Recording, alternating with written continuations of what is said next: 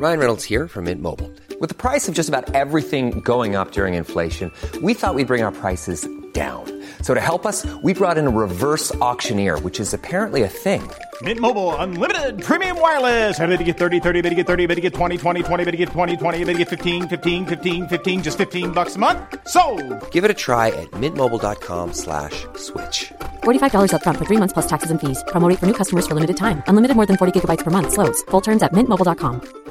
Cool fact a crocodile can't stick out its tongue. Also, you can get health insurance for a month or just under a year in some states. United Healthcare short term insurance plans, underwritten by Golden Rule Insurance Company, offer flexible, budget friendly coverage for you. Learn more at uh1.com.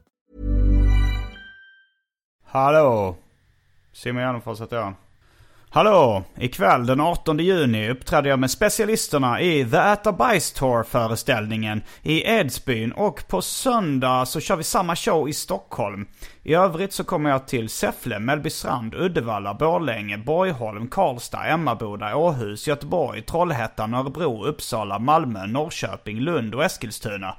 Datum och länkar till biljetter på gardenfors.blogspot.com och följ mig på alla sociala medier som till exempel Instagram, det heter atgardenfors. Nu kommer Arkivsamtal som klipps av mästaren Mattias Lundvall. Mycket nöje.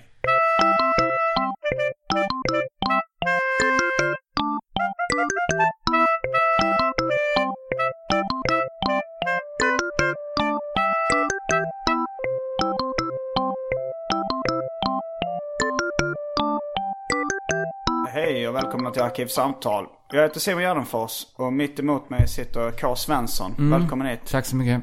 Hur mår du idag? Jag mår, jag mår bra faktiskt. För att jag har så semester och gör liksom lite vad jag känner för på dagarna. Och lite innebär det att jobba, men då kan man, då unnar jag mig att jobba med sånt som bara känns kul för tillfället. Liksom. Förra gången eh, du var här så försökte vi oss på att vi skulle vandra oss igenom en dag i K. Svenssons liv. Ja. Det lät inte som det var jättemycket skillnad från semester och jobba lite med saker man tyckte var roligt. Nej, jag tror jag har liksom nått en punkt där jag kan inte göra något som är tråkigt längre. ja, men jag, eller i alla fall toleransen för tråkighet är liksom satt ur spel. För att jag vet att när jag var yngre så kunde jag ha liksom tråkigt på ett annat sätt. Alltså, och nu menar jag liksom inte så här att man eh, inte tog fram sin mobil och, och tittade på den. Utan mer bara så här att göra något som är tråkigt som är bra i framtiden. Jag- Kan du betala räkningar? Ja. Jag drar alltid in pengar på något sätt. Det Jag, blir men, ändå jag menar mer, kan du Alltså, fysiskt rent sätta dig ner och logga in på ditt bank-id och sådana grejer? Jag kan inte göra det i tid längre. Okej. Jag vet att det är exakt samma grej liksom. Det är ingen talang som krävs för att göra det i tid. Men, och förr gjorde jag det alltid i tid och nu gör jag det aldrig i tid. Men då gör du ändå någonting som du tycker är tråkigt fast inte i tid. Ja, ja, men då är det som att, att det inte är något val. Ja, men Ja, man- min revisor ringde idag och sa, nu har du inte skickat momsblanketten som du skulle. Mm. Och då sa hon så här, den måste vara i, så nu kan inte vi fylla i den åt dig. För man kan ju betala folk för att göra tråkiga saker. Och då bara kände jag, helvete också. Att jag, jag kom, Mm. Nu kommer jag inte undan liksom. Och då känns det helt okej att göra det. Då får jag gå i, då får, hon fotar av en ifylld blankett, mejlar mig den bilden och sen skriver jag in alla siffror likadant som på bilden. Och sen går jag till skattekontoret imorgon så slipper jag böter. Mm. Men då får, ja precis, det är ju inte kul då att fylla i den. Nej. Men det är ju som att jag Du inte... kan, göra, du, du kan göra tråkiga saker men helst inte. Nej, precis. Nej, men det är väl också att du har möjligheter att göra eh, mest sånt du tycker är kul. Det är ju i, i kanske fattigare länder kanske man måste göra tråkiga saker för att Ja, överleva. exakt. Och även många i Sverige tror jag. Jo, i Sverige har man ju alltid socialbidrag som sista utväg. Jo, jo, det är sant. Men, Men, eh, känner du att du är mycket tråkigt på en dag liksom? Nej, inte speciellt. Nej. Men jag kommer från en bakgrund som serietecknare. Där, Mm. det, där det är väldigt mycket sån här att sitta vid ett bord och, och räkna millimeter med linjal och sen. Och det, men man, så jag har ju kommit in i den meditativa känslan som det kan ge. Det, Mm. jag, jag, jag kände mer då att eh, jag fick gå in i samma mode som en gubbe som pysslar med ett modellfartyg i källaren. Att han Ja, går okej. ner varje kväll lite mysigt och sitter och limmar på det här, klistrar på den och, och så. Så att det, det, det här liksom som jag vet inte men sen, sen lämnar ju det bakom mig lite se- serietecknandet. Eller tog en paus från det i alla fall. Och nu gör jag väldigt få grejer som är jättetråkiga. Alltså sådana, att göra ärenden när jag kommer in i det så tycker jag det är ganska kul ändå. Bocka av en lista och så Ja. ja. Mm. Ja, Jag har absolut. inga större problem med det. Det är mer att, jo men vissa saker är ju så jävla tråkiga. Som att jag, min revisor skickar alla mina fakturor. Ja. Men bara det här att uh, skicka mejlet till henne och sa, kan du Ja, fakturera exakt. oslipat? Det Exakt. skjuter upp så jävla mycket. Så det gör jag kanske varannan månad eller något sånt. Så bara tar jag en lista på alla de grejerna och, och mejlar liksom. Ja. Men, ä- och även sånt som att stimrapportera. Att man ska skriva till Ja, ja, Stim ja. vilka Och spelningar det man är har gjort. bara bra för en att göra det. Det finns liksom Ja. ingen Nej, det finns fördel ingen- med att vänta. Ja, skit, men jag har inte stimrapporterat på ett år kanske. Nej. Det är ju så också för att jag har råd att skjuta Ja, ja, precis. de grejerna. Så jag är inte desperat efter pengar så då blir Nej, det men inte... man är heller inte riktigt på den nivån där man tänder en cigg med en sedel. Det, det är inte där vi är på något sätt. Eller jag, jag vet liksom inte vilken nivå det skulle vara där jag hade råd att bara slänga bort pengar på det här sättet. Ja, det, jag vet inte, det känns ju rätt poänglöst att göra det när man sitter ensam.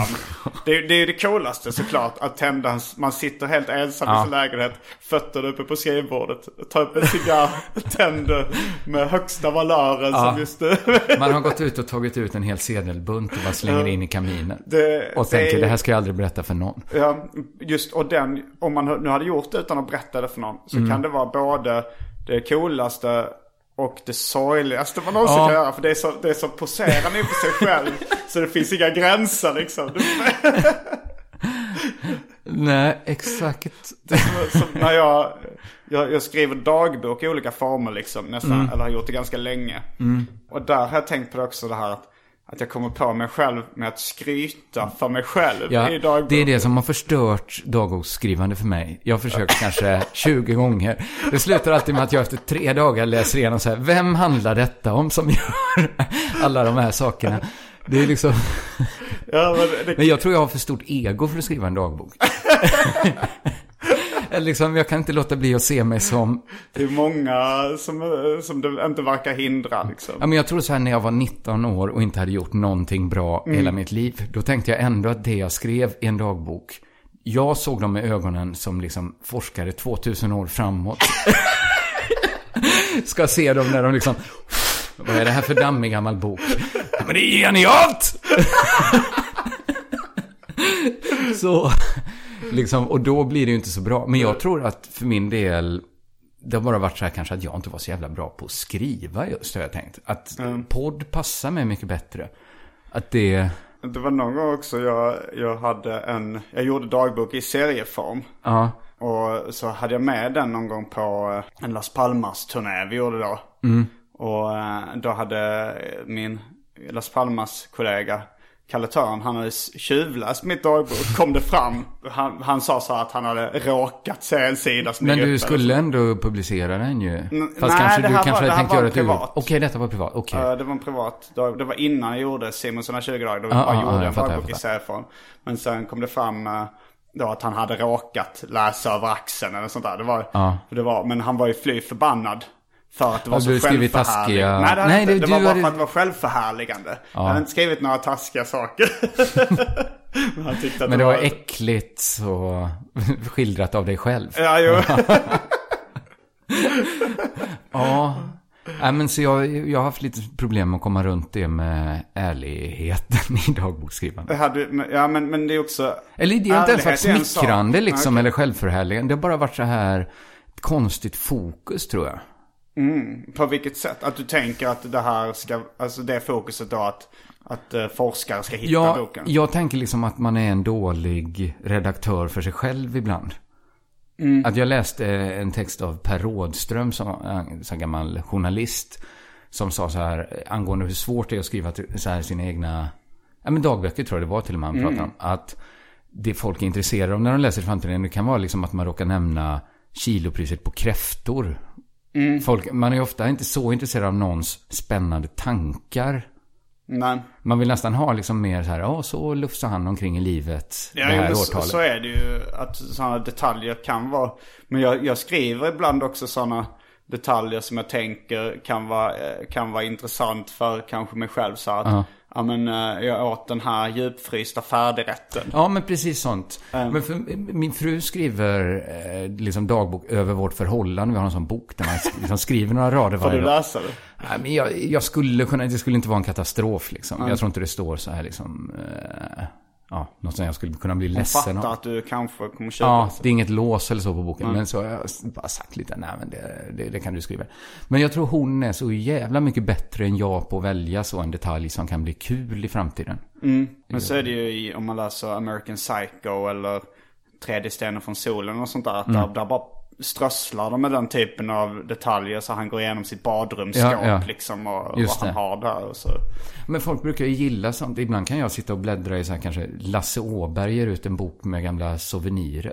Man bara gillar att titta. Jaha, så såg det ut Las Palmas 1962. Kunde man Jo, köpa. det är skitfett. Och, Ja. och, och jag hörde J.K. Rowling eh, nämna det som en grej varför, hennes, varför hon trodde att hennes böcker blev en så stor succé. Mm. Att hon berättade så att ja, men om, om någon äter frukost så berättar jag vad det är på mackorna och, Ja, liksom, eh, och gör den, sånt som folk gillar. Ja. Och jag, blev näst, jag, jag håller på att läsa en uh, serieroman nu eh, som Galago gav ut. Jag kommer inte exakt ihåg vad den heter men det handlar om en adopterad eh, kvinna från Korea. Och, och den är bra. På det stora hela tycker jag den är väldigt bra. Men när, när de äter, när hon åker till Korea och de bjuder på koreanska specialiteter och hon inte skriver vilka det är. Då blir jag så, kände jag tjänstefel. Vad är det här? Jag är jättenyfiken på Ja, vad det är. ja, ja, När hon åker tillbaka så, så här. Men Mm, jag fattar. det kanske också att jag är lite extra matintresserad som... Ja, det kan det ju vara. Men det är också liksom en konst, tror jag, att kunna välja vilka Mm. detaljer som är liksom bra att dela med sig Ofta tänker man att det ska vara liksom specifikt eller exakt eller så. Lite som referenshumor ska vara. Men det är Mm. Jo. inte säkert att det är på samma sätt. Liksom var- man kommer... Jag har varit med om motsatsen också faktiskt. Det finns en japansk uh, serietecknare som uh, satt i fängelse. Den, den boken finns översatt till engelska. Det är en, liksom en, en tjock uh, självbiografisk serieroman som heter Doing Time. Eh, Hanawa heter eh, han i efternamn eller förnamn. Det är så svårt att veta vilken ordning de sätter namn. Men eh, jag tror Hanawa är hans efternamn. Och där så skriver han i förordet eller någon slags intervju som är med så här att han brevväxlade med, med någon liksom och, och den personen tyckte att så här, det vardagliga var det intressanta. Vad han använde för rakblad och liksom. Ja. Men just i Doing Time så hade han överdrivit det. Så Ja, det var i stort sett bara uppräkning av vad han åt och, och Ja, okej. sånt där. Så, och, och han var extremt distanserad från sina känslor. Jag gillar ju den typen av detaljer som utsmyckning kanske. Mm, Men, men det här berättar han, han nämnde inte så här vem han saknade när han satt i fängelset eller vad han tänkte på eller vad han tyck, om han tyckte det var jobbigt. Det var bara det. Idag så åt jag det här, det här och det här. Och så det, det blev rätt meningslöst. En gemensam återkommande grej inom japanska är att de är ju så jävla distanserade för sitt känsel, Ja, känsloliv. okej. Svenska 40-talistmän, go home. Alltså, Men är här- tanken liksom att man ska projicera sina egna känslor på det eller? Jag vet inte, jag tror bara de tycker det är bögigt eller någonting. okej, att det är bara inte känslor överhuvudtaget. man gör där, nej. eller jag vet, för det, för, för det kan ju verkligen inte vara att man ska projicera. Alltså då, Nej. Nej. Det är De- väldigt Men är få- berättelserna liksom av typen, först hände det här, sen hände det här, sen Ja. gick vi dit, så gjorde vi det. Så kan man ju också berätta en historia ju. Men jag Jo. vet inte varför man är, jag tänker ju också att det ska vara känslor. Ja men det, det blir så konstigt. Jag har mig den, jag- det var länge sedan jag läste Inte längre människa. Mm. Men jag har mig att det är en scen i den boken där han, roll, huvudrollens fru blir våldtagen. Och sen så han verkar inte reagera på det överhuvudtaget. Sen fortsätter boken som vanligt. Han, han har inte liksom, det kanske är någon minimalistiskt sätt att skriva. Det att man ska vara- fylla i med sitt eget obehag. Ja, och bara ta ju, det för givet. det kan ju liksom vara så att de säger till en så här, här är en man, hans fru blir våldtagen. Jag tror ni alla förstår hur han känner ungefär. Det behöver inte skriva ut. Att det är så självklart för dem att okej, då, är han, mår han, då vet jag ungefär hur han mår. Ja, men de flesta har ju inte varit med om det. Nej, men jag tror man kan ändå föreställa kan, sig. jo, det, i och för sig det blev läskigare. Det är nästan som så här att det in, när, eh, i skräckfilm när man inte har Ja. läskig musik så kan det bli ännu obehagligare. men- För här behöver de inte berätta för nu är det läskigt. Nej, men jag tycker inte det är Det är svårt att föreställa sig något sånt i huvudet tills det blir så obehagligt att man inte vill tänka på Ja, det mer. så är det. Ja, Det, sånt gör man ju hela tiden. Ja, ja det, det kanske är ett grepp. För jag kommer ihåg att jag läste den boken och tyckte den var bra och så. Ja. Och sen så min storebrorsa läste den också och han blev han blev så förbannad på eh, det, alltså han har läst ännu mer japansk litteratur och han blev så här upprörd över då liksom att de är, att, Att det var så lite känslor. Ja, Ja. jag vet inte riktigt. Jag har så svårt att, det är liksom bara svårt att tänka sig nu för mig när jag inte läste bara. Hur, hur det är. Om man kan Ja, kan få Jag låna boken, låna har den. Ja. i, hyllan jag. Men du önskade en uh, tidig välj Ja, drycken. just det. Nu blev det halvtidig. ja, men det får vara så då. Ja.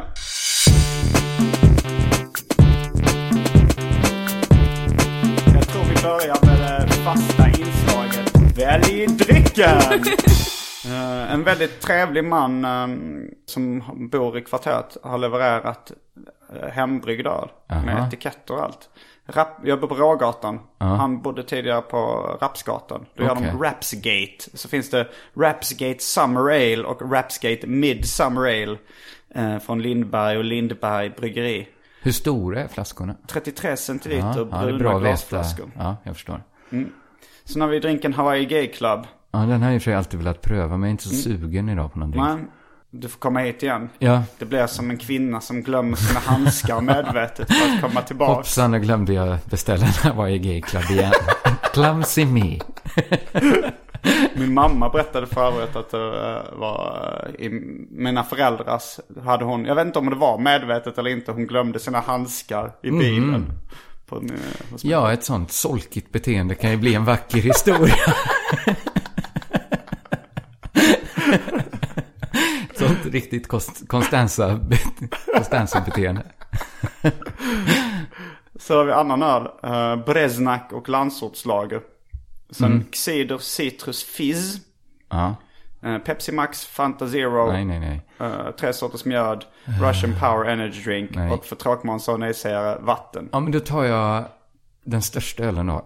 Bara för att jag är så Det är törstig. landsortslager. Ja, ta landsortslager. Då tar jag en uh, Rapsgate Midsummer Ale.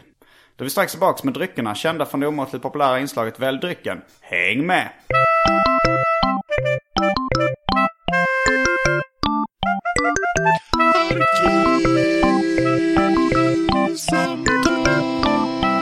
Ja men den har väl, landsortslager är ju ändå lite så här, lite andra smaker än Ja, ljuslager. den kunde jag ha slagit upp ett glas kände jag direkt.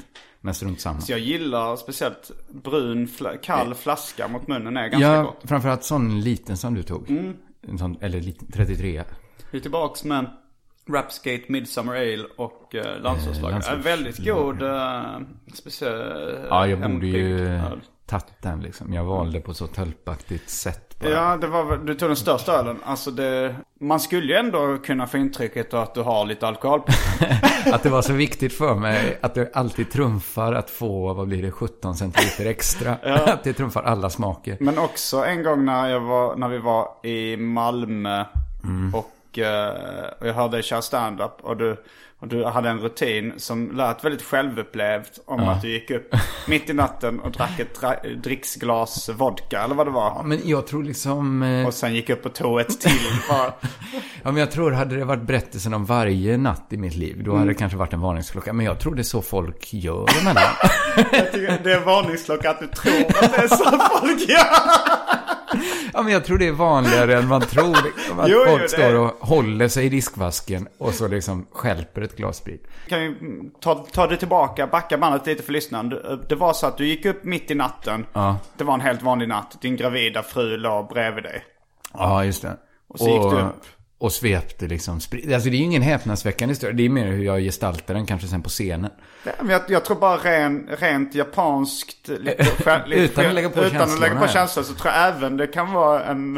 eh, Jo, vissa höjer på ögonbrynen. Men problemet med det är om man anlägger det liksom eh, en utomjording stirrar på en från rymden perspektivet så blir nästan allt mänskligt beteende liksom konstigt. Ja men nu, nu snackar vi om eh, Eller allt det som är normen. Ja, No- okej, Det vill okej. säga så kallat normalt beteende. Men då tror jag att jag kanske... Jag tror kan, nästan alla gör så, någon gång. Den som aldrig gått upp mitt i natten, lagt, hällt upp ett dricksglas med 40% men- alkohol, svept det, Man kanske gått och har- lagt sig, gå upp och tagit ett till. Eller hur var det? Du tog ett glas till. Ja, men, man har liksom eh, lite svårt att sova. Man har liksom någon sorts lite oroskänsla i kroppen. Man har också kanske lite ont i magen. Alltså de här tre, ingen var och en för sig räcker så, för liksom att stjälpa det.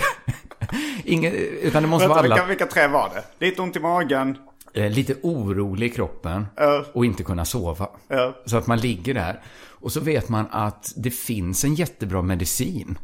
Som inte har så svåra biverkningar som står liksom på hyllan ovanför spisen. Okej, vad var det för sprit den här gången? Det var, jag hade fått en flaska grappa i... var det här samma grappa som, som du kände? Nej, Hur faktiskt mycket inte. grappa får du egentligen? Men jag får jättemycket grappa. Men Ja, nu oftast får- nu kan får jag det ut och jag kan ja. inte ta med det hem. Men det var min svärmor som köpte till mig i julklapp som ett så skojigt skämt inför hela Ja, ja. den delen av släkten. Så det var ju utsatt situation för Svensson såklart när jag öppnade grappaflaskan på julafton.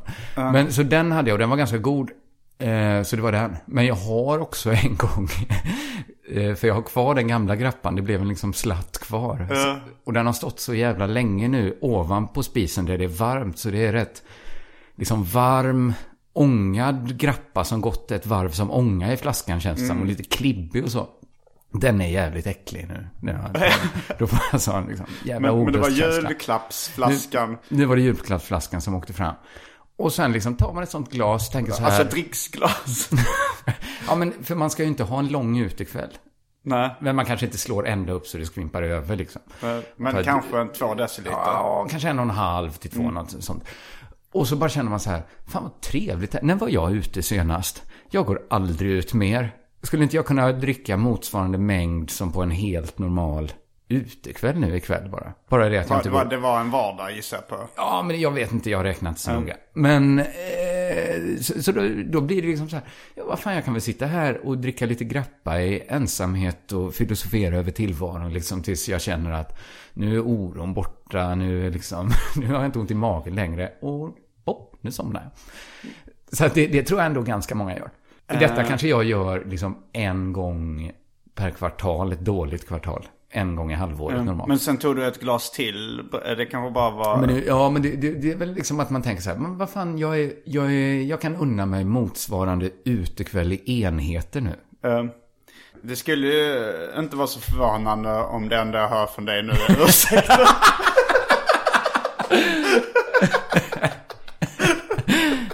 Ja, eller så är det så att vad jag hör från dig är rena lögner om att det här inte skulle vara vanligt beteende. Jo, det är nog vanligt, men jag tror att det, det är säkert vanligt att ha ett riskbeteende. Ja, men eh, precis. I Och alkoholsammanhang.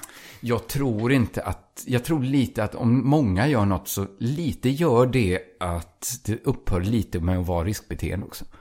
Ifall många gör det. Ja, jag tror det. Du är ju inte ett freak om du dricker två glas vin varje dag. Nej. För att det gör ju jättemånga människor. Det är ju inte ens jag. Jag är inte liksom. freak kanske. Men, Nej, du är ju men inte det. Men det är nog inte egentligen ur ett större här hälsoperspektiv tror jag. Det är bättre att inte göra det. Ja, säkert. Men det, ja, precis. Men det, så kan man ju tänka liksom, tills man... Ja, det kan man. sitter eller står och jobbar. Jag tror, inte det, jag tror inte det är så jättefarligt att dricka två glas vin. Jag, jag, så- om man slår ut min alkoholkonsumtion så Ja. gör jag nog det kanske också.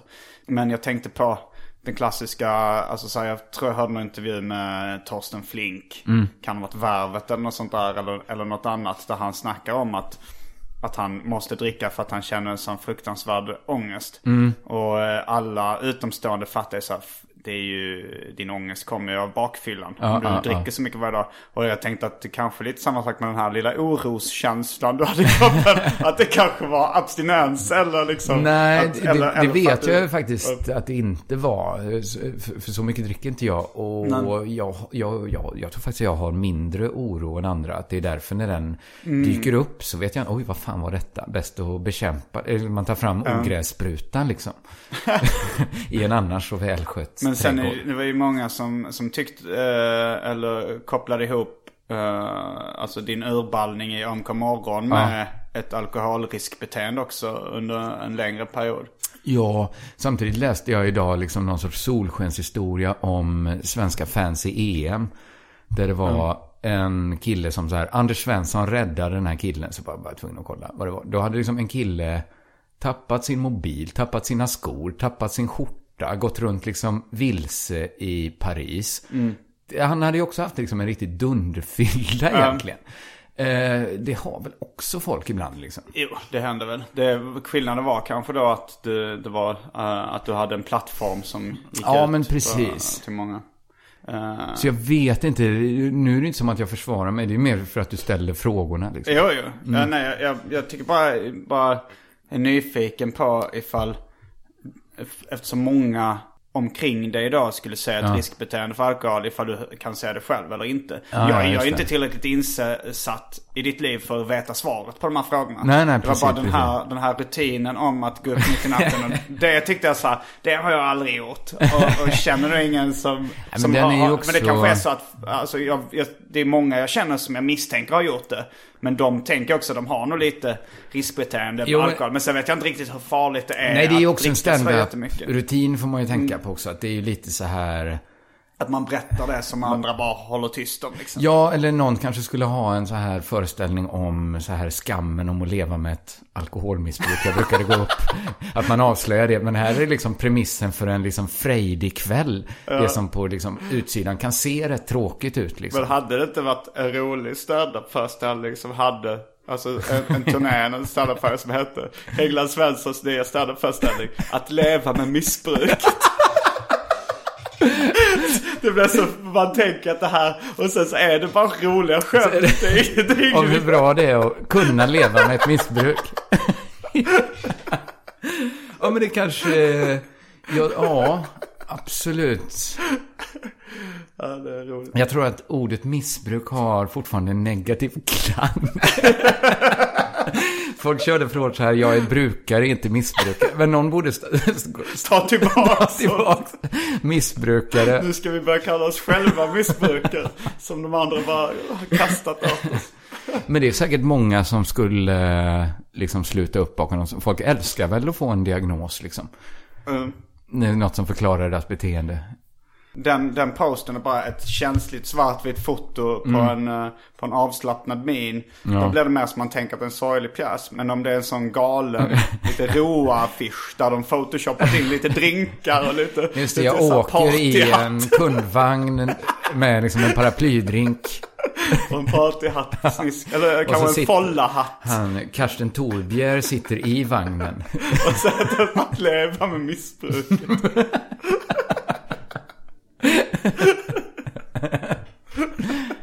Ja, det kanske är en ganska bra idé egentligen. Sa vi att ta varsin klunk. Men nu har jag liksom... eh, Det, jag har eh, stadssemester, Ja. kan man säga. Alltså, det är nästan min favoritgrej. Det är ju att semestra i sin egen stad. Och nu är ju Stockholm det för mig. Så vi tar en citypills. Alltså det är ju det det innebär egentligen. Att man har ett okej inifrån chefen här inne i bröstet. Att alltid ta en, ta en starköl när man känner. Men det är ju rätt trevligt liksom. Igår satt jag och jobbade på en krog. Ja. En sån thai-krog, drack öl i solen. Tänkte, ja men detta är väl ett bra jobb. Det, det, jag, jag vet nästan inget bättre sätt att semestra på än att vara hemma. Det, det gillar jag som fan när jag bodde i Malmö. Men kan du, du kan också slappna av? Det blir inte så att du, att Ja, du men- gör lite ärenden eller? Jo, det blir det. Men, men jag tycker ju mycket av, många delar av eh, det jobbet vi gör är liksom svinkul. Så då kör jag istället på semestern, då är det liksom helt och hållet eh, kärleksprojekt liksom. Saker man, men det finns inga pengar i sikte Nej. liksom. Eh, Och då det, och framförallt hålla på med uppstarten under, det är ju den, nästan den roligaste biten. Alltså du tänker uppstart av en ny show eller? Ja, eller ett nytt projekt överhuvudtaget. Liksom. Har du något nytt projekt i uppstart? Ja, men faktiskt ett par stycken. Men eh, jag har suttit idag med Aron Flam. Eh, och jag håller på att skriva på en grej som jag tyvärr inte kan prata om ännu. Men som kommer vara förhoppningsvis en jättebra sitcom. Och då, det- är en sån rolig liksom, del av processen där man håller på och brainstorma fram storylines och sådär. Ja. Det, det är nästan bland det mest stimulerande jag vet. Ja, det är skitkul. Jag, vi, vi gjorde en specialisterna sitcom till radio som var då liksom Där vi gjorde en sån storybåge över hela säsongen. Ja. den sista. Det var skitkul. Jag läste också ett par böcker om Ja, jag gör också det faktiskt. Och Vilka läser du? eh, just nu läser jag en som heter Save the Cat. Av Blake Snyder. Är om lite ska mer- göra sitcoms? Nej, den är mer för film faktiskt. Ah, Men okej. jag tror, jag tycker jag lär mig, eller lär mig, men det är vissa saker som bara är så här, fan, det var skönt att du skrev, för det sparar mig lite tid liksom. Mm. Jag läste en som heter How to not write a sitcom eller något liknande. Men ofta tycker jag de är bäst, ju mer cyniska de är. Han är liksom en, han är verkligen inte så här indie Blake Snyder. Nej. Han är så här liksom stora eh, familjekomedier liksom. Mm. Men de, de har liksom så lite romantik kring liksom allt som inte är skrivande. Mm. Så att där tycker jag man kan få handfasta råd liksom. Jo, jag gillar också det eh, när man liksom får bara så här lägger du upp dramaturgin och så Mm. här är karaktärerna. Det var som jag hörde om eh, Lucas Moodysson. Ja, ja, att ja. han skrev då Fucking Åmål så läste han boken How to Write Blockbuster Cinema Scripts. Och det tror jag fan hjälpte den filmen så in i helvete. För då kunde han komma med liksom de här svenska indie-värderingarna Ja, ja. och paketera det med en Exakt. amerikansk slimmad dramaturgi. Ja, och det gör, men jag menar så här, det gör att man kan koncentrera sig på andra saker. Ja. Att liksom det finns en bra liksom mall nästan. Ja. Och då kan man koncentrera sig på det som liksom inte är eh, Mm. liksom blueprint. Kanske om man själv har läst den boken eller, eller har liksom jobbat med den typen av filmmanus innan så skulle man tycka att Fucking Åmål var lite billigare. Ja, kanske. Eh, För jag kommer ihåg nu. Eller så tycker man att det är snyggt liksom hur nära den förhåller sig i någon sorts tänkt kurva. det kan man göra. Jag, när jag var eh, i New York första gången med Anton då och vi Mm. precis hade börjat med stand-up. Då var vi på Comedy Cellar och liksom båda två var jätteimponerade. Ja. Men nu senaste gången jag var där tyckte jag inte det var riktigt li- lika Nej, kul. nej. Men jag kunde inte sätta fingret på vad det var. Men Anton sa då att han tyckte att det var inte lika kul för man visste alla tricken. Det var så här, oh, det som vi trodde var improviserat. Ja, ja, det vet man nu att det har han kört hundra gånger. Det här publiksnacket liksom, eh, så, som det. det. är ju skriptat. Och, och det var, man, man såg Man ser liksom hela, trådarna. Ja, och då, som- är det mm. inte riktigt lika kul. Nej. Och man blir inte lika imponerad heller av, eh, Ja, men så är det ju. av hantverkaren. Precis. Det är säkert som trolleri liksom, att man, när man Men vet. Man kan ju tricken. bli imponerad av liksom ett gott, väl genomfört hantverk Jo, istället. absolut. Liksom. Att det är liksom en sån skicklighet man, Jo. man sitter och, och imponerar. Så, så, men till exempel sen, sen är det ju visst vissa man ser helt plötsligt som man bara blir helt knockad av. Fast man tycker Jo. man vet allt. Jag tycker liksom så här. Fan, Louis CK till exempel. Det är nästan så här pinsamt tycker jag att man fortsätter bli imponerad av varje ny grej han gör. Ja, har du sett uh, Horace and Pete? Jag håller på att göra det nu. Jag tycker, alltså... Jag blir nästan lite så här irriterad på mig själv för att jag gillar det så mycket. Mm. Att, ja men på något sätt så... På ett sätt så är det ju roligt att få leva i samma tid som liksom CK Mm. gör liksom. Det, är- det, är liksom. det är bra för en att det är goda tider för comedy. Men man känner också, fan vad... Vad man kan känna sig liksom liten liksom. Och liksom idéfattig och fan han gör grejer. Imagine the softest sheets you've ever felt. Now imagine them getting even softer over time. That's what you'll feel with Bowl and Branch's organic cotton sheets. In a recent customer survey, 96% replied that Bowl and Branch sheets get softer with every wash. Start getting your best night's sleep in these sheets that get softer and softer for years to come. Try their sheets with a 30-night guarantee. Plus, get 15% off your first order at bowlandbranch.com. Code BUTTERY. Exclusions apply. See site for details. Hey, I'm Ryan Reynolds. Recently, I asked Mint Mobile's legal team if big wireless companies are allowed to raise prices due to inflation. They said yes. And then when I asked if raising prices technically violates those onerous two year contracts, they said, What the f are you talking about, you insane Hollywood ass? F- So to recap, we're cutting the price of Mint Unlimited from $30 a month to just $15 a month. Give it a try at mintmobile.com slash switch. $45 upfront for three months plus taxes and fees. Promo rate for new customers for limited time. Unlimited more than 40 gigabytes per month. Slows. Full terms at mintmobile.com. A lot can happen in three years, like a chatbot may be your new best friend. But what won't change? Needing health insurance. United Healthcare Tri Term Medical Plans, underwritten by Golden Rule Insurance Company, offer flexible, budget friendly coverage that lasts nearly three years in some states. Learn more at uh1.com. Det tog ett tag för mig att värmas upp till Louis CK. Först var det så att jag eh, tyckte så här, men det här var helt okej. men jag fattar inte hypen liksom. Nej. Och sen började jag se lite mer. Och, började säga, fan jag gillar ändå det här jävligt mycket. Ja. Och, att, och, och att jag kände också så att, här- okej det här är en av mina favoritkomiker. Ja, ja. Men eh, alla ser det så det är så tråkigt att ha Ja, honom ja, som en av sina favoritkomiker. Ja. Men, eh, men sen, jag har inte sett eh, hans nya tv-serie. Men den jag, hör, jag hörde den här eh, WTF-intervjun med honom där han pratar om, med Mark Maron om den här nya tv-serien. Det var- Nej, jag har bara hört hans första Ja, den är intervju. skit. Det, är- den, Den är väldigt bra, ja. Mm. Men han, den, den hörde jag så jag blev lite sugen på att se Horace and Pete också. Men det, det lär ju vara lite så här Bergman-aktigt. Alltså jag tycker att det är, alltså det är filmad teater liksom. Och så kommer jag att tänka på det, hur få det är i världen egentligen man skulle gett chansen om man fick veta så här att det är filmad teater. Och ändå, första avsnittet är 67 minuter långt tror jag. Mm. Det är väldigt få konstnärer i världen man skulle ge chansen så mycket av ens tid när man hör så mycket som talar emot det. Mm. Men sen när jag såg den så började jag liksom tänka på all tv-teater jag sett som jag verkligen gillat. Liksom. De, eh, Norén skrev tre pjäser i slutet av 80-talet tror jag som hette så här eh, Kaos och granne med Gud, Natten, Dragens mor.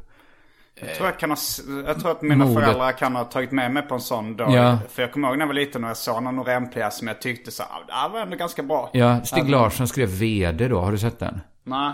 Det, alltså, den måste du verkligen se. För att slutet av 80-talet var någon sorts guldålder i Sverige för filmad teater. Alltså, VD är så fruktansvärt. En 20 Järegård spelar VDn som liksom är hemma och förnedrar ett par. Där den ena är liksom eh, Helena Bergström. De andra kan jag inte. Johan Rabaeus som är på ett hörn också. Den är väldigt, väldigt bra liksom. Och då eh, kände jag det när jag såg den här att fan, det finns ju ändå någonting i mediet filmad teater. Att det är verkligen en speciell ton liksom. Jo, men det känns så svårt att ta till sig. Det är ungefär som att du skulle läsa en diktsamling. Mm. Det är ganska få personer jag skulle ge, det är samma tanke där. Jag skulle, det är väldigt få personer jag skulle ge chansen att, att läsa en diktsamling Ja, av. exakt. Kanske så här, då skulle det vara så här, kanske Larry David eller någon. Ja, så men här. exakt, Så hade man uh, gett det chansen. Men Ja. jag gissar att även om jag hade läst en diktsamling av Larry David hade jag hatat den. Ja, antagligen. Men säg att Larry David eh, gör en sitcom med marionetdockor liksom. Ja, jag hade gett en chans. Du skulle gett en chans. Men om du hör liksom den. om Frankrikes bästa dockartist gör liksom en, en teater om eh, flyktingar. Ja, det... Då kanske du inte skulle se den liksom. Nej, jag hade nog, det hade nog krävts extremt mycket pengar för att jag skulle se det. Ja, alltså ja. som jag skulle få. Precis. Eh, Jag hade, jag hade inte gjort det, alltså så här, att gå på en teater, en, här- en fransk dockteater om, om flyktingfrågan på två timmar med paus. Ja. Jag, jag, hade, jag hade inte gjort det även om jag fått 4 000 kronor Inte i handen. 4 000. Nej, men- Om men- det var en sån fyra timmars sittning, tre akter liksom. Eh, Hur mycket pengar skulle du ta? Ja, det- Det, alltså det, jag hade nog hellre blivit pissad i munnen. Och, Hade du det? Ja, ja. ja. Om, om det var, om det var snabbt så. Ja, snabbt så. Du kan spotta ut det sen.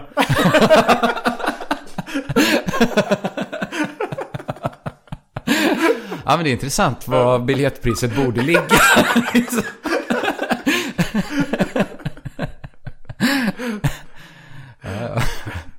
Ja, jag, jag, jag, alltså så här, jag har blivit medtagen på lite sådana tråkiga grejer av min familj när jag var mindre. Ja. Liksom. Det kunde ju vara så jävla segt. Ja, precis. Och jag har ju även uh, varit tillsammans med en tjej som uh, håller på med teater. Mm, men, men till slut så vägrade jag liksom att gå, om vi var i Japan och hon skulle gå på någon. Nej, men det går inte. eh, På någon sån japansk Nej. klassisk teater. Det, nej, jag vägrade. Det var, då fick jag gå och kolla på leksak. eh, Ja, vi har en liten sån silent agreement tror jag hemma. Att vi bokar inga teaterbiljetter. vi, vi förklarar inte varför, men förr gick min fru på teater, nu gör vi inte det längre. Eh, Men går inte hon själv? Ja, hon kan gå själv någon gång liksom. Och så tycker hon det är fett liksom. Men jag vet att det kanske blir sämre av... Nu kanske, efter, jag kanske ska ge teatern en chans, men jag hade liksom gillat om så här, Thomas Högblom satt upp en pjäs. Men ni har ju i viss mån satt upp en pjäs tillsammans. Ja, vi ska ju göra det. Jag fattar inte hur jag ska hinna allt, men förhoppningsvis till eh, hösten ska vi spela liksom den stora avslutande föreställningen som vi har hållit på med nu i eh, ett par år. Vi har ju skrivit en ny varje, vad blir det, höst i tre års tid. Så vi har tre föreställningar så tänker jag att vi ska ta de bästa bitarna och skriva till kanske en halvtimme extra. Och göra en riktig jävla rolig föreställning. Som, men ni, ni kör väl också inte bara ren stand-up? Nej, men det finns inget riktigt, alltså nu på Äta bajs är det så att först så sjunger vi en låt som handlar om då att vi, vi är så olika Ja, men ändå ja. vi gemensamt har Äta bajs. Det. Och sen kommer det lite vanlig stand-up. Och så, och, eller som vi blandar upp då med liksom sådana segment som till exempel korta skämt där man drar one-liners och karaktärer där man spelar olika karaktärer. Ja, men det låter ju ungefär. Alltså, och sen vi, så spelar vi ett par låtar också. Alltså ja. skämtlåtar och, och eh, baby dance. Just det. Avsluta. Men alltså vi har också det helt är inget liksom... sammanhang Nej, men det har inte vi. Vi brukar bara liksom improvisera fram ett sammanhang så här att vi har fått... Ja, jag, Kanske jag, 300 jag såg uh, Såg du senast? Kyss Ja. med dumsnut. Håll mun, dumsnut och kyss Ja, med. den. Ja. ja, men det var ju liksom en dum liten det en fjantig ramberättelse. ramberättelse. Men den... Det, det brukar vara Thomas, brukar bara säga en sån ramberättelse och så... Ja. Så bara kör vi på det. Mm. Och så blir det nästan som ett skämt ju mer liksom inympat något är. Um, Att vi höll på att göra jättemycket så här konstiga Carl Bildt-imitationer. Och då byggde vi föreställningen på så här att när hösten kommer och man tar på sig sin gamla höstjacka. Att man brukar så här, sticka ner händerna i fickorna och så hittar man någonting. Så här, kanske en ciggtändare. Så kommer man på fan, just det, jag köpte ett paket cigg då i november. Gick runt och rökte på stan. Ja, eller liksom ett kvitto eller något sånt. Och så minns man, så, så, så var det själva ramberättelsen. Men då hittar vi på liksom, det fan det är min gamla lösnäsa som jag alltid hade när jag imiterade Carl Bildt. var det den föreställningen som hette Höstkappan? Höstjackan hette den. Höstjackan, Ja. Okej, och det var då... Så det blev en som Perex, jag minns. Ja, precis. Exakt så liksom. Och sen, eh, vad heter den första? Västerlandets fall. Då var det också bara att vi sa olika saker. Det här är tecken på att allt håller på att falla. Så var det bara att spela en sketch liksom. Men så är det ju rätt många eh, som skohornar in ett tema. Eh, om man, jag, jag, har faktiskt en- jag har inte sett Martin Anderssons föreställning Hybris. Jag, jag har sett hans Twitterflöde och sånt där. Och då är det ju så här. Det här är ett tecken på hybris. Och så skohornar man in någonting liksom. Så, Jo, men- Och så är det ju rätt många som gör i, när de har en temaföreställning. Ja men så är de det ju. Men här är det ju, här är det liksom öppet att det är ju bara dumheter liksom. Ja. Så att eh, det tror jag alla fattar liksom ändå. Mårten vill ju ändå kommunicera ut att hela den här föreställningen handlar om hybris liksom. Jo. Men även så här Kristoffer Appelqvists Drömmen om Amerika som jag såg.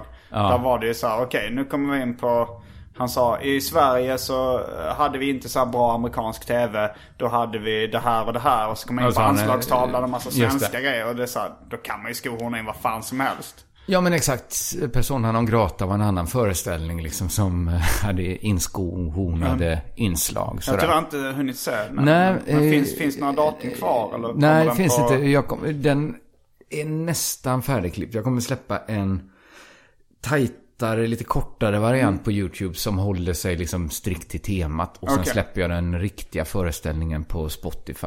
Ja. Och lite tror jag att det är den Spotify-föreställningen faktiskt jag rekommenderar. Men, Mm. men jag vet inte, jag hoppas kunna, eh, att folk ska se videoföreställningen också. Mm. Eh, Men det kommer nog, jag vet inte när den här podden kommer ut, men då kanske den är ute. Det kommer på lördag. Nu på lördag? Mm. Ja, då får vi ligga i. Ja, men kanske. K. Svensson eh, är persona non grata, kommer det nog heta. Det var en uh, rolig roast när jag hört hela din Ja. K. Svensson-roast. Det Visst var den, om man ska säga någonting, att den var ganska snäll va? Eh, ja, alltså jo, den, jo den, den, stack inte ut i alla fall och var så här jätterå. Nej. Men, eh, men jag tog mest med mig så här kanske en handfull väldigt välskrivna skämt. Ja, som jag, men så är det ju Som jag ofta, tänker liksom. på. Alltså så Ja, här, något speciellt. ja, alltså Anders Ankan Johansson. Ja, jag tyckte han var väldigt, väldigt Ja, bra alltså. Alltså jag älskade verkligen han, eh, något absurd, abstrakt skämt eller absurt skämt som han sa. eh, när han, han pratade om Petrina. Så sa han att eh, när jag först träffade Petrina och någon sa nu ska ni jobba ihop. Så tänkte jag, jaha. och sen visade det sig att jag hade rätt. det är så jävla bra skämt. Ja, det är, men Ankan är ju jävligt, jävligt grym. Det går inte att vara arg på Ankan liksom. Han, han är en jävligt bra komiker.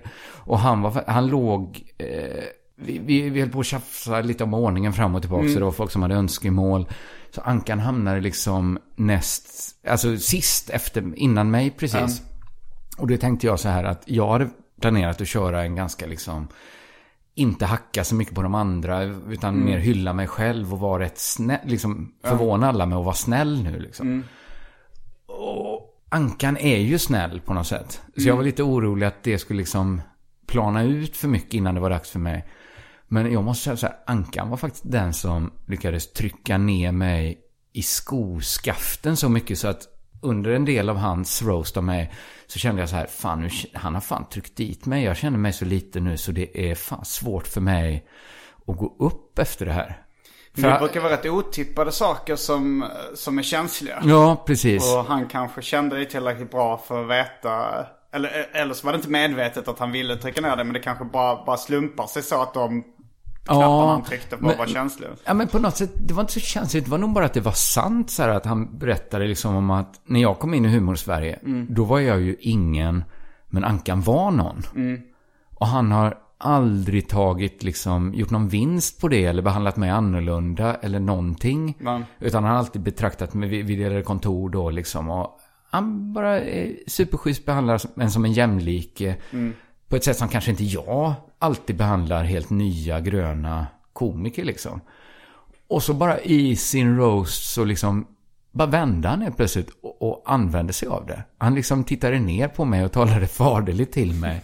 talade till mig som ett litet dumt barn liksom. Ehm, Och det är ju precis vad man inte behöver precis innan man ska gå upp och vara kaxig på en scen liksom. Och slå tillbaks hårt. Så där var jag ett tag orolig. Jag tänkte så här, fan om han fortsätter så här och har publiken med sig så är det fan lite eh, dåligt för min pondus nu när jag ska stå där. Eh, Men, men sen tyckte jag ändå att jag liksom hittade en väg in i det ändå. Och liksom hitta min pondus. Men, men, men det var faktiskt den som liksom tog hårdast på det sättet.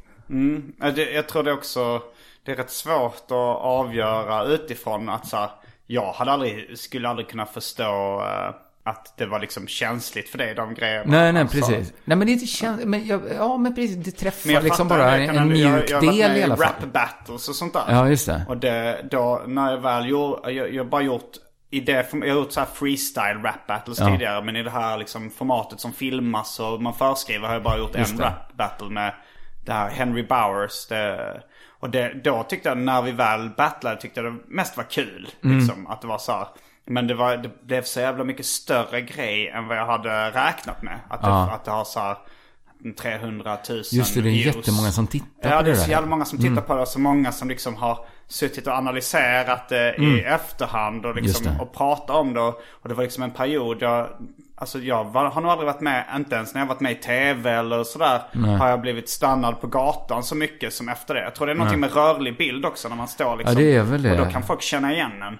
Så det, till slut började jag så tröttna på att prata om det här. Och det var så här, folk skulle liksom... Det, det är fortfarande folk som pratar om den här rap-battlen liksom.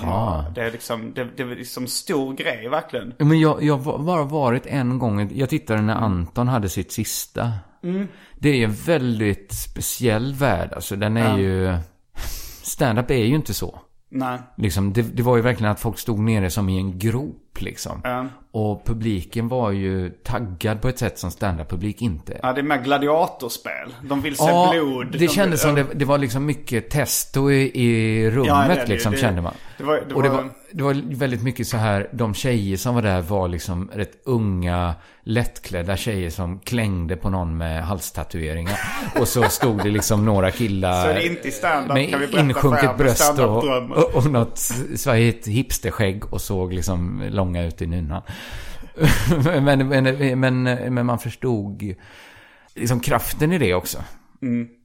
Eh, Att det, det gör ju senare underhållning eh, speciellt. Jo, liksom. det, det, det, en- det är en väldigt bra form av scenunderhållning. Och Ja, jag- det är det. Lite, lite synd tycker jag att den börjar dö ut lite. Men, Ja, men det är tråkigt, Ja. men... eh, Men samtidigt så var det ju, jag, när jag började med det, det var, eller när jag gjorde mitt första rap battle, det var typ 2012. Ja. Så det var ganska länge sedan.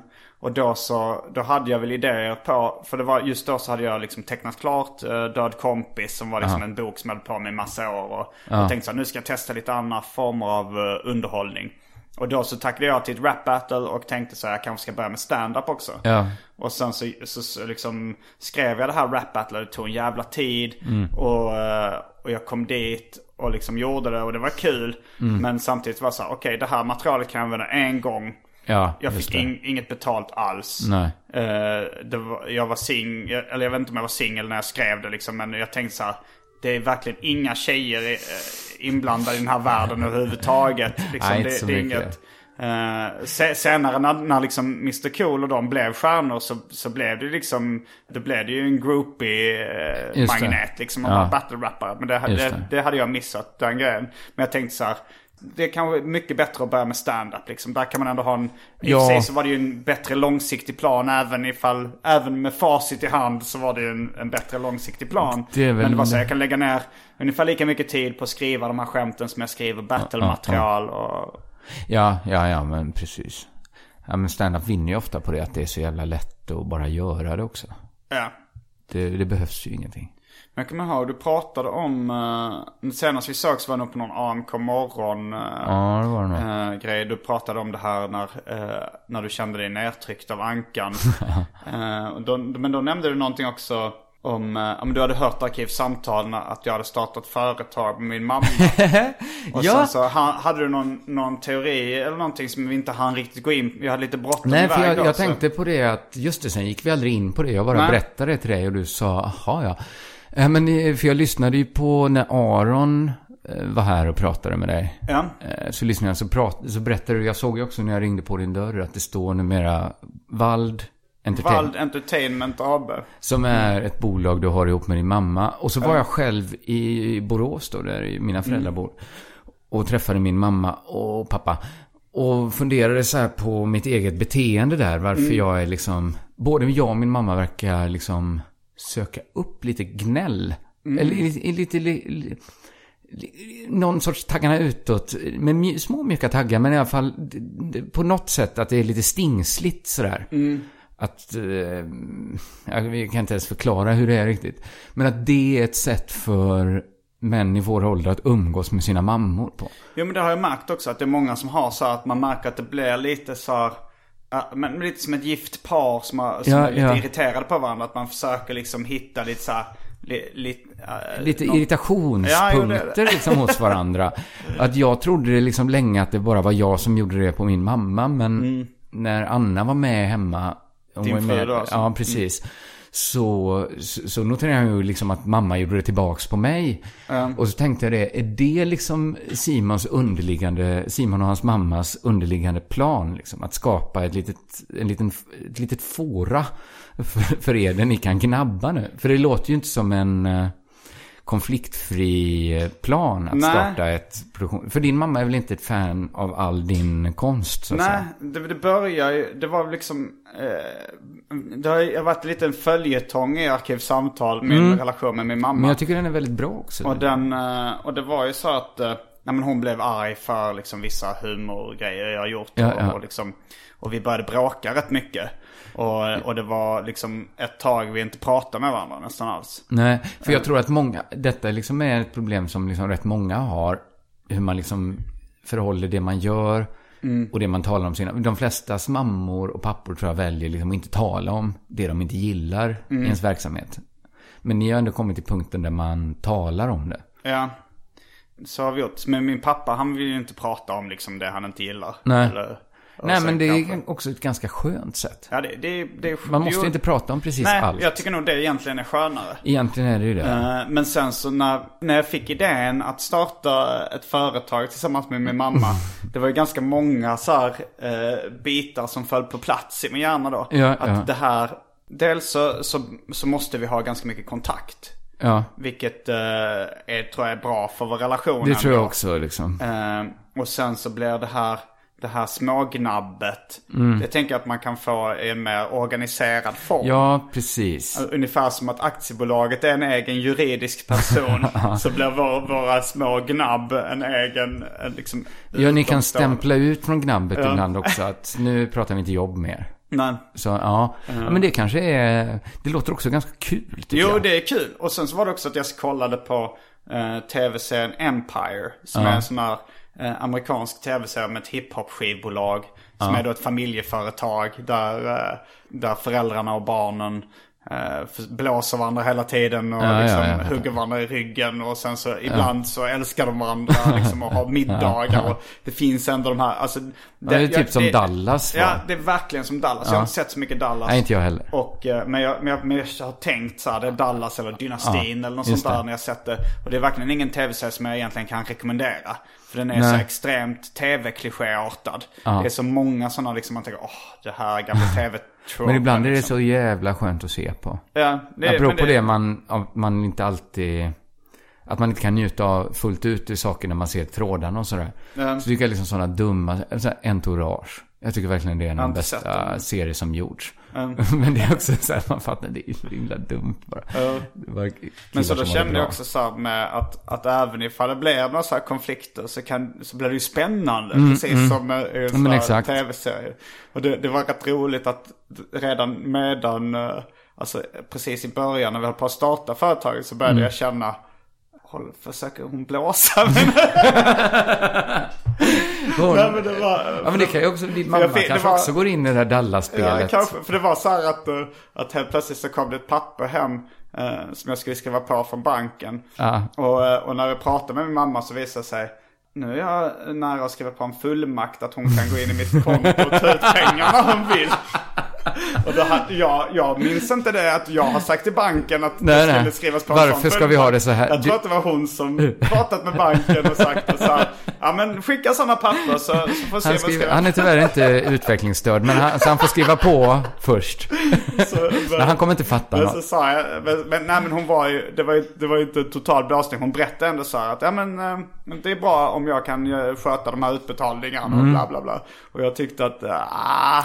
Så sa han, du får lita på mig här. liksom. Ja, och jag men- tänkte så här, men jag, jag, jag, jag, då, då tänkte jag också så här, det kanske blir mer spännande för, Ja. för tv-serien om jag skulle skriva på där. Jag tror också det. Men jag vågade inte riktigt för då, då, jag tänkte ändå att det skulle finnas ett sammanhang om hon säger så här, nej men Simon du, du kan inte släppa sådana här låtar som eh, Baby Dance. Nu, Nu du- Ja, nu, ger jag, den- nu ger jag de här pengarna till... eh, Du blir som en sån bananrepublik i liksom Latinamerika.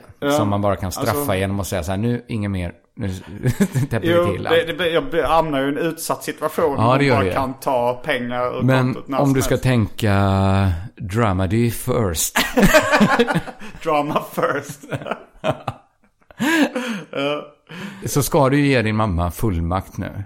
Eh, Då har, ja men eh, om du ska tänka Alltså, på... det, det känns som att, det, att, att, jag får ändå göra mitt bästa för att liksom eh, företaget ska gå bra. Annars tycker jag det är lite fusk för dramat om jag... Alltså det, det är Om du som så här, om, jag, om, om jag ska göra en självbiografisk bok. Jo, och jo. sen gå ut och döda någon bara för att det ska bli bra självbiografi. Det är en ganska spännande grej men det känns som Ja. att det är en annan, en annan form av självbiografi. Ja. Det blir en annan form av drama ifall jag skriptar det eh, själv i huvudet först. Jo, jo, men samtidigt, din mamma vill väl inte dig något ont? Vad skulle nej, hon nej, göra? men hon vill sig själv. Ja, alltså, hon vill sitt eget... Hon vill nog mitt eget bästa också. Hon kanske tycker, hon kanske kan hota så här, nej men det här är inget du ska satsa på. Nej. Nu har jag investerat dina pengar i det här. Men det, det här, det kokar ner till att du inte litar på din mammas omdöme. Helt enkelt. Vi har ju inte samma värdering. Nej, du delar inte värdegrund med din Det är ett inneboende problem i det här dramat. En mor och en son som inte delar värdegrund startar ett aktiebolag. när, vi för, när vi pratade om så här, eh, aktiebolaget så snackade vi om så här, men, ja, men vi måste skriva någon slags så här, eh, vad, projektbeskrivning, vad målet är i företaget och så. Mm. Och då så sa jag så här, men målet är, sa jag då att, att, Äckla jag, sig. nej, att jag ska ha så roligt som möjligt. Och då bara, hon fnö, skrattade till och fnös i samma. Mm. För jag menar det på allvar, men hon bara att du ska ha så roligt. Jo, det var- men det kanske är bra på samma sätt som att det är bra att inte ha en revisor med liksom kokainsmulor på överläppen och slipsen som ett pannband liksom när man kommer in. Det kan ju vara bra. Jag är så väldigt tacksam för att när min revisor ringer att det låter som en superuppstyrd kontorsrotta. Eh, På allra bästa sätt liksom, som ringer. Så att igen, du vill ju ändå ha någon som sköter din ekonomi och Jo. tänker på vad som är... Jo, tanken var ju att jag skulle göra liksom jobbet med underhållningen och hon skulle sköta Ja. pappersarbetet. Men när jag sa sådär att så men nu, nu får du ringa nu, kan inte du ringa banken och ge, be dem skicka en ny fullmakt där du får vara inne och titta på kontot och Mm. se. Och sen så är det bara att ringa mig om det är några utgifter så betalar jag dem då. Ja, för jag så tror, vad, vad är det för utgifter hon skulle kunna tänka sig? Att du- Enligt henne så, men det är massa grejer och så här. Att eh, hon skulle säga, vad är det? Sprit? Cigaretter? Horor? för, så ser väl inte, måste regissera här dramat. för så ser väl inte ditt liksom kontobesked ut? Det är väl så här, Ja, en hon- kasse mat för 300 kronor Hon på får, får ju Ica. titta på, alltså hon, nu har vi ändrat det så, men, men då när jag bad så här, eh, ja men kan inte du ändra, så sa jag så här, ja då får du ringa själv. då var det, fast till slut lyckades jag övertala henne, ja men att hon skulle fixa det, så här, ny, En ny, ett nytt kontrakt som, Ja, men det låter ändå rimligt, tycker jag. ja. Absolut, jo men det, det ja, vadå att hon ska få titta på det? Jo det tycker jag. Om, men ska ni inte ha ett eget konto för företagets pengar? Jo, Ja, är som det. hon får titta. Men där kommer ju förmodligen alla mina pengar Ja, där vara. kommer alla är dina pengar vara, ja. Det är det som är det bästa. Ja, okej, ja det är just det. Det är det som är det bästa. Ja, men i och för sig om ni är anställda på lika villkor så måste väl båda ha tillgång till... Eh... Ja, men vi är inte anställda på lika villkor. Nej, ni är inte det. Nej. Nej, okej. Kommer ni vara 50-50 ägare av företaget? Vi har, vi har inte riktigt... Nej, eh, för det kan nog vara en sån- Om, ja, men det, jag tror... Nej, men jag, jag, jag har ju lite inblick i det. Jag vet ju att om någon äger mer än hälften av aktiekapitalet så har de ju någon form av makt. Ja, precis. Men frågan är om du gör det. Äger över hälften av aktier. Ja, ja just nu så äger jag nog alla. Men sen så kommer Mm. nog... Kan, jag ko- kommer nog... För Simon Svensson äger ju all, eh, 100% av vårt aktiebolag. Mest, eh, det är mest Mm. Alltså att jag inte... under- Underproduktion. Eh, men det är mest, tror jag, för att jag inte orkat sätta över, inte haft pengar att ge honom för företaget. Mm. Och det blir liksom högre och högre värderat företaget ju mer jag tjänar ju. För då har ju företaget massa pengar i sig. Så nu vet jag inte hur jag ska... Ja, han får väl vara schysst mot mig. Ja. Jag får köpa en tredjedel eller något. Mm. Men vill du ha ett helt aktie? Jag tänker att det är mycket jobb. Att ha ett aktiebolag. Ja. Ja, men det, det är ju därför jag... jag Ja, mamma gör Alltså tråkiga hon gör, då, det, det, hon tycker ju det är kul liksom. Mm, Också jag tror hon tycker det är kul och för hon snackade om innan att hon hade tänkt starta ett företag. Ja. För, eftersom hon då är pensionär. Det är nog lite kul pyssel, Men hon lite visste inte hobby, riktigt vad hon liksom. skulle göra. Så Nej, jag tror hon, blev, hon såg jätteglad ut när jag kom med förslaget att, eh, att vi ska starta. Alltså, det är faktiskt en jättebra idé. Jag Mm. tänkte det eh, direkt när jag hörde den. Fan, ja, synd att inte jag, eller synd att min mamma hade nog inte velat ha ett företag med mig. Men- Men det var ganska, det var en bra idé tycker jag nog. Vi pratade innan om uh, böcker och hur man skriver Ja. grejer och sådär. Mm. Så har du läst eh, Stephen Kings Att skriva? Ja, det har jag faktiskt gjort. Det är väl lite så här portalverk för Den folk är, som skriver. den, den är också väldigt så här handgriplig. Mm. Det kan ju vara sådana tips som skriv först hela storyn, sen byter du kön på huvudkaraktären. Ja. Alltså sånt liksom supertydligt tråd. Och eh, som liksom nästan alltid funkar. Mm. Det är ju under ett sätt att göra ett intressant kvinnoporträtt. Alltid ju. Göra henne som en man.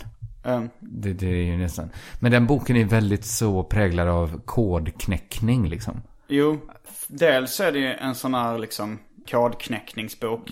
Men sen blandar han också upp det med självbiografi. Just att det. det. handlar om hela hans liv. Och vi, liksom hur han har varit med om skriva. någon eh, bilolycka eller något sånt. Han blir påkörd när han går jämt eh, vägen. Ja, han var med i en allvarlig bilolycka. Ja. Liksom, eh, men också hade han väl drag och alkoholproblem under någon period. Det tänkte jag också på när vi snackade om det här. Liksom, att han, han såg väl först som en ursäkt för sig själv att som konstnär är man så känslig att man Ja, behöver alkohol eller behöver...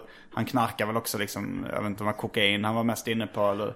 Ja, Att han men... någon period drack rakvatten eller vad fan som Ja, helst som han verkar ju gått mycket mot Sonnex. Så jag inte kan fatta riktigt varför man gör. Varför man dricker rakvatten. Men många, alltså man har ju en konstant egentligen sån semester i sin hemstad situation. Alltså jag driver ju runt på dagarna på lite olika hållplatser. Det är ju ingen som bryr sig vad jag gör egentligen liksom. Det tror jag är rätt vanligt att konstnärer använder sitt konstnärskap för att få eh, che- chefen inuti sig att säga ja till och dricka Ja, öl. jo, som att jag har inslaget välj drycken. Ja, precis. samtal. Ja, men, eh, och när man är ännu yngre så är ju alkoholromantik ett starkt liksom, inslag i varför man överhuvudtaget vill bli eh, liksom någon sorts kulturutövare. Jo, nästan alla unga män med författarambitioner läser Bukowski Exakt. och tycker att det är spännande. Exakt. Jag tänkte också på det här med när, man, när vi pratade om att eh, den ångesten man vill dämpa Ja. eh, med alkohol är, beror väl ofta på kanske bakfylla. Mm. Men, eh, men jag kommer ihåg jag tyckte det var så coolt när någon, någon berättade så här. Fan Bukowski, jag läste Ja, ja. så här, han vaknar på morgonen, tar en öl, spyr upp den. Ja, ja. Försöker igen med en ny Ja, dricker upp spyorna. den. Och sen den tredje ölen lyckas han hålla nere i magen. Då kan han börja dagen. Ja, exakt, att det är någonting- Och då tänkte man så här, fan vad fett. ja. Jag vill bli precis som honom. Det är ganska svårt att förstå sig på den. Jag tycker det- är väldigt svårt att förstå sig på hur man en gång har varit. Liksom. Liksom ta så här åren 24 till 27. Om jag Hur ska gammal är du nu? Nu är jag 35. Okej, så det var inte jättemånga Men jag försöker liksom sätta mig i det statet och liksom målar upp hur det såg ut mitt liv då. Jag tycker att det är rätt svårt. För jag pratade med, som vi sitter och skriver idag på något som antagligen ska bli självbiografiskt. Som handlar om en, delvis om en episod i Arons liv som var ja, men så pass länge sedan. Som var kanske en tio år sedan. Det är så sällan man gör liksom besök i den delen av ens historia. Den som var liksom ändå hyfsat nyss. Jag har gjort det rätt mycket som självbiograf. Ja, du kanske har gjort det. Men för att det vi pratade om då var att man lever liksom sitt liv på nästan en glidande skala, liksom, eh, där ens förändring liksom inte märks inom en. Utan man förändras liksom hela tiden glidande. Men man minns och tänker tillbaks på sitt liv i liksom stötar, liksom minnesbilder mer än liksom någon glidande så, så att man är liksom nästan dömd till att alltid känna eh, ett främlingskap inför den man var. För man, man liksom bara, vad fan höll jag på med där? Det har sin naturliga förklaring i den här långa glidande händelsekedjan. Men när när man sitter och minns och ska försöka göra något på det så, så det är svårt att förstå sig på den människan. Bara för att det kommer så stötvis. Men jag har fått uppfattningen, jag har aldrig känt det så jättebra, men att du har gjort en ganska tydlig resa, eller en förändring i din personlighet. Att du var en ganska så eh, kille med politiskt korrekta åsikter och, och sådär. Och sen så liksom blev en, med en provokatör. Ja, men lite så. Jag var ganska nöjd med livet. Ja, men till exempel livet på SR. Jag tyckte det var rätt fett. Liksom, när jag fick jobb på SR så hade inte jag gjort något ballar i mitt liv. Nej. Alltså jag tyckte så här, fan vilken dröm att få gå in och få betalt för att skriva sketcher och sitta. Jag gillade liksom SR och den bubblan liksom. Jo. Men jag, Men- men jag upplevde inte dig som en provokatör. Nej, början, verkligen liksom. inte. Men jag hände- ser mig ju fortfarande inte som en provokatör liksom. Nej men, men ibland i det. tankesmedjan och sånt så var det vissa spaningar som du måste, eh, så, som du själv har sagt att det här visste jag att det skulle bränna till liksom. Ja, jo, alltså, men i tankesmedjan tror inte jag jag körde med så... Ja, jag tänkte på uh, Lilla Drevet nu förresten. Ja, Lilla. Drevet, ja. Att du ändå, det var väldigt medvetet liksom vilka Ja. knappar du tryckte på för att, och det har du också snackat om i podcasten Humoristerna liksom. Ja. Här har vi n-ordet-knappen, Ja. den kan man trycka på ibland. Men att du går in i, i alltså så här, med, medveten provokatörrollen liksom. Ja, precis. Jo, Och att det gjorde du inte när du nej, det är ju inte var bara 25. så. För, nej, precis. Jag hade nog eh, varit räddare för att folk skulle bli arga på mig liksom. Det var nog, men det är nog liksom att konfronteras med sociala medier tror jag. Tror- Alltså, det får en till slut att känna att det är inte så farligt om folk är arga på. Nej. Men sen, jag menar det är ju inte bara bra det att man vänjer sig av vid att det är jobbigt när folk är arga. Det kan ju vara som att vänja sig av vid att känna smärta. så står man en dag liksom med handen på spisplattan Ja. och märker inte förrän det lukt, börjar lukta liksom stekt kött. Att man Nej. har den där. Så, så, det finns inga liksom automatiska fördelar med att inte bry sig om att folk blir arga. Förutom att man blir liksom, man blir ju inte mer modig men man gör mer modiga saker. Alltså det är inte modigt att göra saker som man ändå inte är rädd för liksom. Nej, Men, men man, inte- man, man breddar ju spektrat för vad som är möjligt att göra i alla fall. Och med de orden avslutar vi veckans avsnitt av Arkivsamtal. Jag heter Simon Gärdenfors. Jag heter K. Svensson. Fullbordat samtal.